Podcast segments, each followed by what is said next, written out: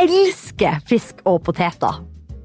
Jeg vet at jeg nå kanskje høres ut som ei gammel bestemor, og at det høres litt kjedelig ut.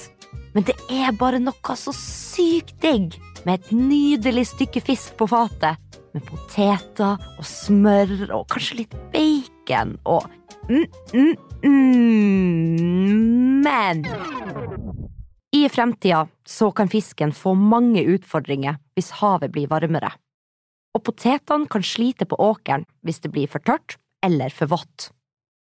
Så hva kan man gjøre for at vi har god og nok mat i fremtida? Og hva blir vi egentlig å spise? Dette er Forklart junior. Jeg er Ragnhild Thelise Christoffersen. Det er noen forskere som har mange gode løsninger på hvordan vi kan få nok mat i fremtida. Og ei av de løsningene kalles genmodifisering. Det er ganske kompliserte greier, men jeg har funnet noen som kan forklare det her til oss. Hei, jeg heter Håvard Øretsland Eggestøl. Jeg jobber i Bioteknologirådet. Bioteknologirådet jobber annet med å gi råd og si hva de mener om saker som handler om fremtidas mat. Det er dem som passer på at alt blir gjort riktig. En del av bioteknologien er genmodifisering. Genmodifisering. Man kan høre på ordet at dette handler om gener. Alle mennesker og dyr og planter, rett og slett alt som lever på jorda, har gener. Vi mennesker har sånn ca. 23 000 gener. Det er veldig mye. Og hvert gen har sin egen oppgave i kroppen. La oss si at jeg og du tar oss en bit sjokolade. Og da har vi ett gen for det som da skal bryte ned det sukkeret. Og det gjør at eh, kroppen da klarer å få tak i næringen i maten vi spiser. Og alle genene er en del av DNA-et vårt. Det er litt sånn som at uh, inni cellene våre så er det en uh, bok som har oppskriften for kroppen vår. DNA det er det genet er laget av.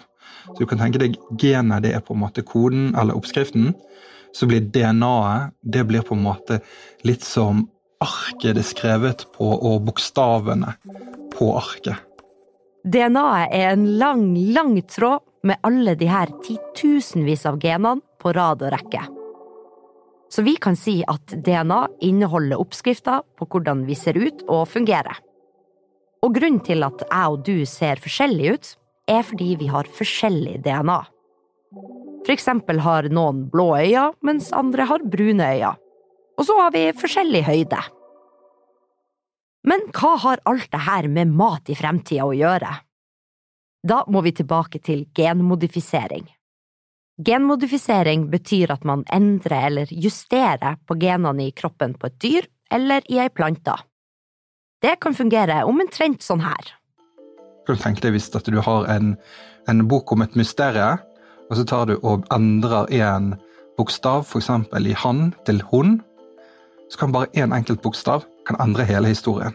Små endringer i DNA kan gi store endringer i kroppen. Denne måten å endre på genene gjør at vi kan gi nye egenskaper til planter og dyr. La oss ta et eksempel. Det eneste som er lov i Norge som er genmodifisert, er en nellik. Det er en blomst en, uh, som har blitt, uh, fått endret farge. Nelliken kan være hvit eller gul, men nå kan man også få tak i en lilla nellik. Og det er ikke naturlig. Så det de har gjort, er at de har tatt et gen fra fiol, og så har de puttet det da inn i nelliken. Og så ja, får de da en lilla nellik. Genet som bestemte at nelliken skulle være hvit, blir bytta ut med genet til en lilla fiol, som også er en blomst. Det er ganske utrolig, hæ? Tenk om vi kunne laga neongrønne roser og knallrøde solsikker. Men det er noe ganske annet forskerne vil gjøre med genmodifisering. En av de tingene som kunne ville være med å hjelpe på å få nok mat til rundt omkring overalt, det ville være hvis planter f.eks. tålte bedre sykdommer. Eh, for da blir en eh, mindre utsatt for at det kommer et eh, angrep av virus på plantene.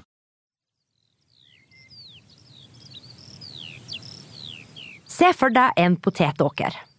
Det er masse pløyd jord, og den norske sommersola skinner på åkeren, og potetene koser seg der.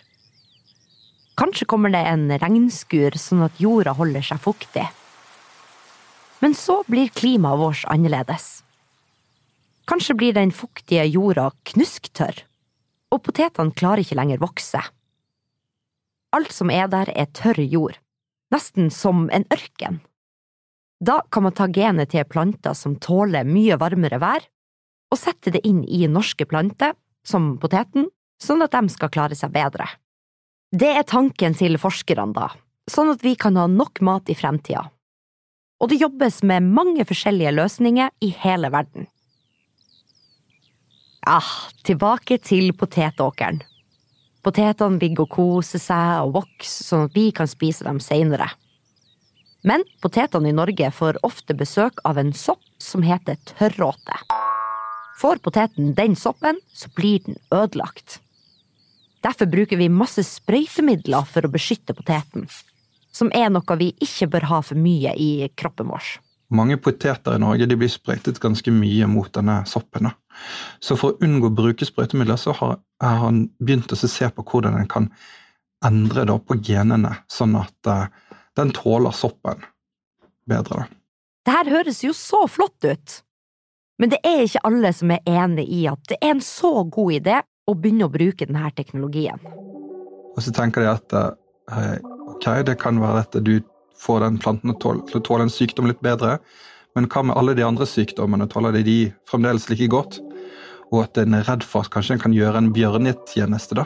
Altså en prøver å gjøre noe bra, men i forsøket på å gjøre noe bra, så ender en kanskje opp med noe som er litt dårligere. Og så er det noen som syns at det her er unaturlig. Er det bra at vi mennesker begynner å endre på naturen, som har gått sin gang i mange tusenvis av år?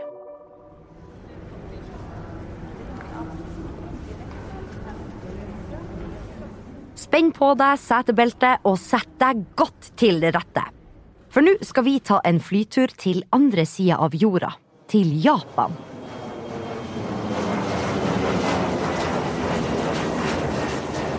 Vi skal nemlig møte en fisk som ikke er som alle andre fisker. I fjor så kom det ut en fisk i uh, Japan.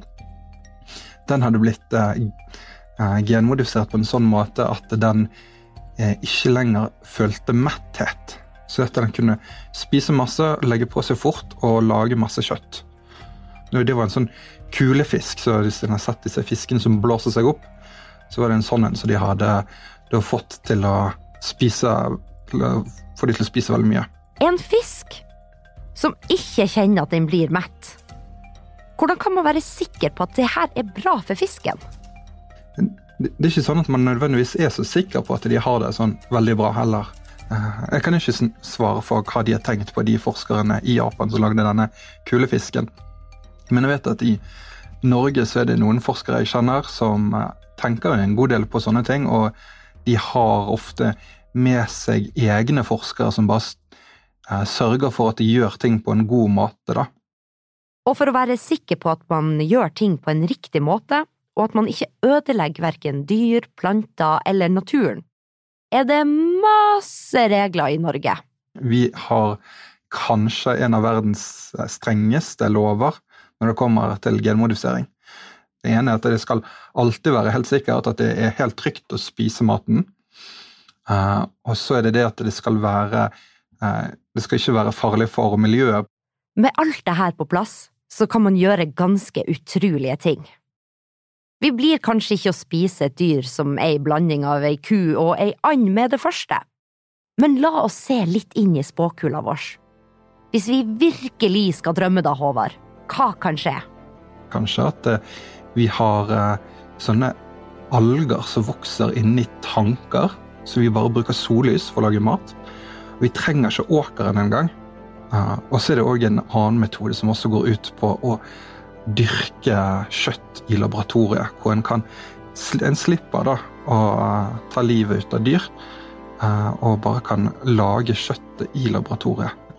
Så vi kan få kanskje en hamburger som aldri har sett en ku, det kan være. eh, eller det kan være at vi eh, får en type eh, frokostblanding som aldri har sett en åker. Sånne ting kan skje eh, når vi tenker litt lenger frem i tiden. Hvis du kunne slått sammen to planter eller dyr, hva ville du laga? Jeg ville tatt eh, søtsmaken ut ifra sukkerrør og satt det inn i brokkoli, sånn at det faktisk smaker digg. Det er mitt forslag. Hva er ditt? Send det til meg på e-post. Den er rtk. alfakrøllaftenposten.no. Du har hørt på Forklart junior. Jeg heter Ragnhild Thelise Christoffersen. Episoden er produsert i samarbeid med Filt Oslo, og produsent er Regine Døsen Christoffersen. Og Mari Midtstigen er ansvarlig redaktør. Vi høres neste uke.